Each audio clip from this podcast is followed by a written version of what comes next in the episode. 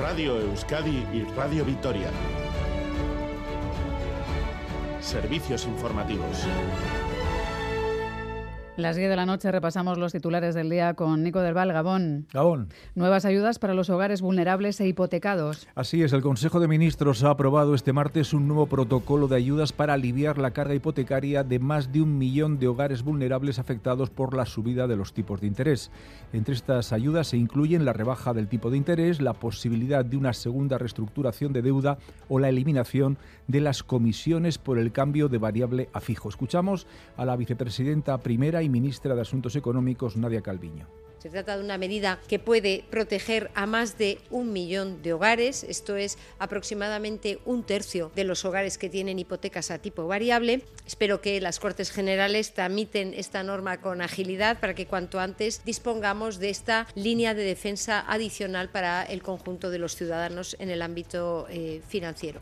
El gobierno de Pedro Sánchez ya tiene asegurada la aprobación de los presupuestos del Estado para el próximo año. Hoy se han sumado los cinco diputados de EH Bildu. Entre los puntos del acuerdo está el mantener la subida de un 15% en las pensiones no contributivas y prorrogar un año el límite del 2% para la actualización de las rentas de alquiler. En Gambara de Radio Euskadi, la diputada Merche Aizpurúa ponía en valor el acuerdo presupuestario en Madrid, también el de Navarra, y responsabilizaba al PNV por la falta de acuerdo aquí en Euskadi. A mí lo que me llama la atención es que en Madrid y también en Navarra se, puedan se pueda llegar a acuerdos progresistas con Euskal Herria Bildu, acuerdos que ensanchan derechos y que esto en la comunidad autónoma vasca, donde en teoría debería de ser más fácil, que esto no sea posible, ¿no? Quizá el problema sea el PNV y que desde su mayoría absoluta no quiera profundizar en medidas progresistas, porque al fin y al cabo negociar negociar no es este plato de lentejas que o las comes o las dejas. Las Icastolas reclaman un sistema educativo vasco propio. Los representantes de más de un centenar de centros piden que la futura ley educativa garantice la autonomía real de las Icastolas y supere la dicotomía, dicen, público-privada. Coldo Tellitu. Benetan, Euskal Hezkuntza sistema berri, ezberdin, eraldatzaile batean, sinisten badugu, batu gaitezen denok. Hartu ditzagun, esperientzia ezberdinetatik bakoitzaren onena.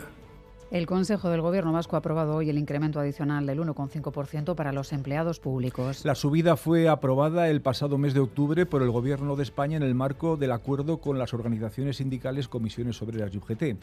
Este incremento, sumado al 2% ya en vigor, hace que la subida total de este año sea del 3,5%, mientras que la inflación acumulada hasta octubre es del 5,7%. Bingen Zupiría, portavoz. Un incremento adicional del 1,5% de las retribuciones del personal al servicio del sector público de la comunidad autónoma vasca. Este abono se producirá este mismo mes de noviembre y tiene efectos desde el 1 de enero de 2022.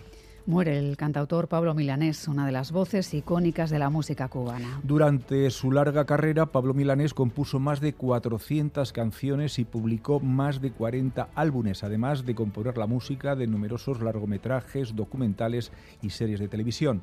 Milanés residía en España, primero en la ciudad de Vigo desde, desde el año 2014 y por motivos de salud se instaló en Madrid en el año 2017. Con 79 años, una de sus últimas actuaciones en directo fue el pasado mes de junio en La en septiembre, suscribió un manifiesto reclamando un cambio político en Cuba.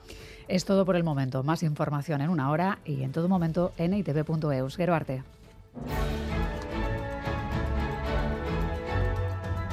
EITV, tu grupo de comunicación.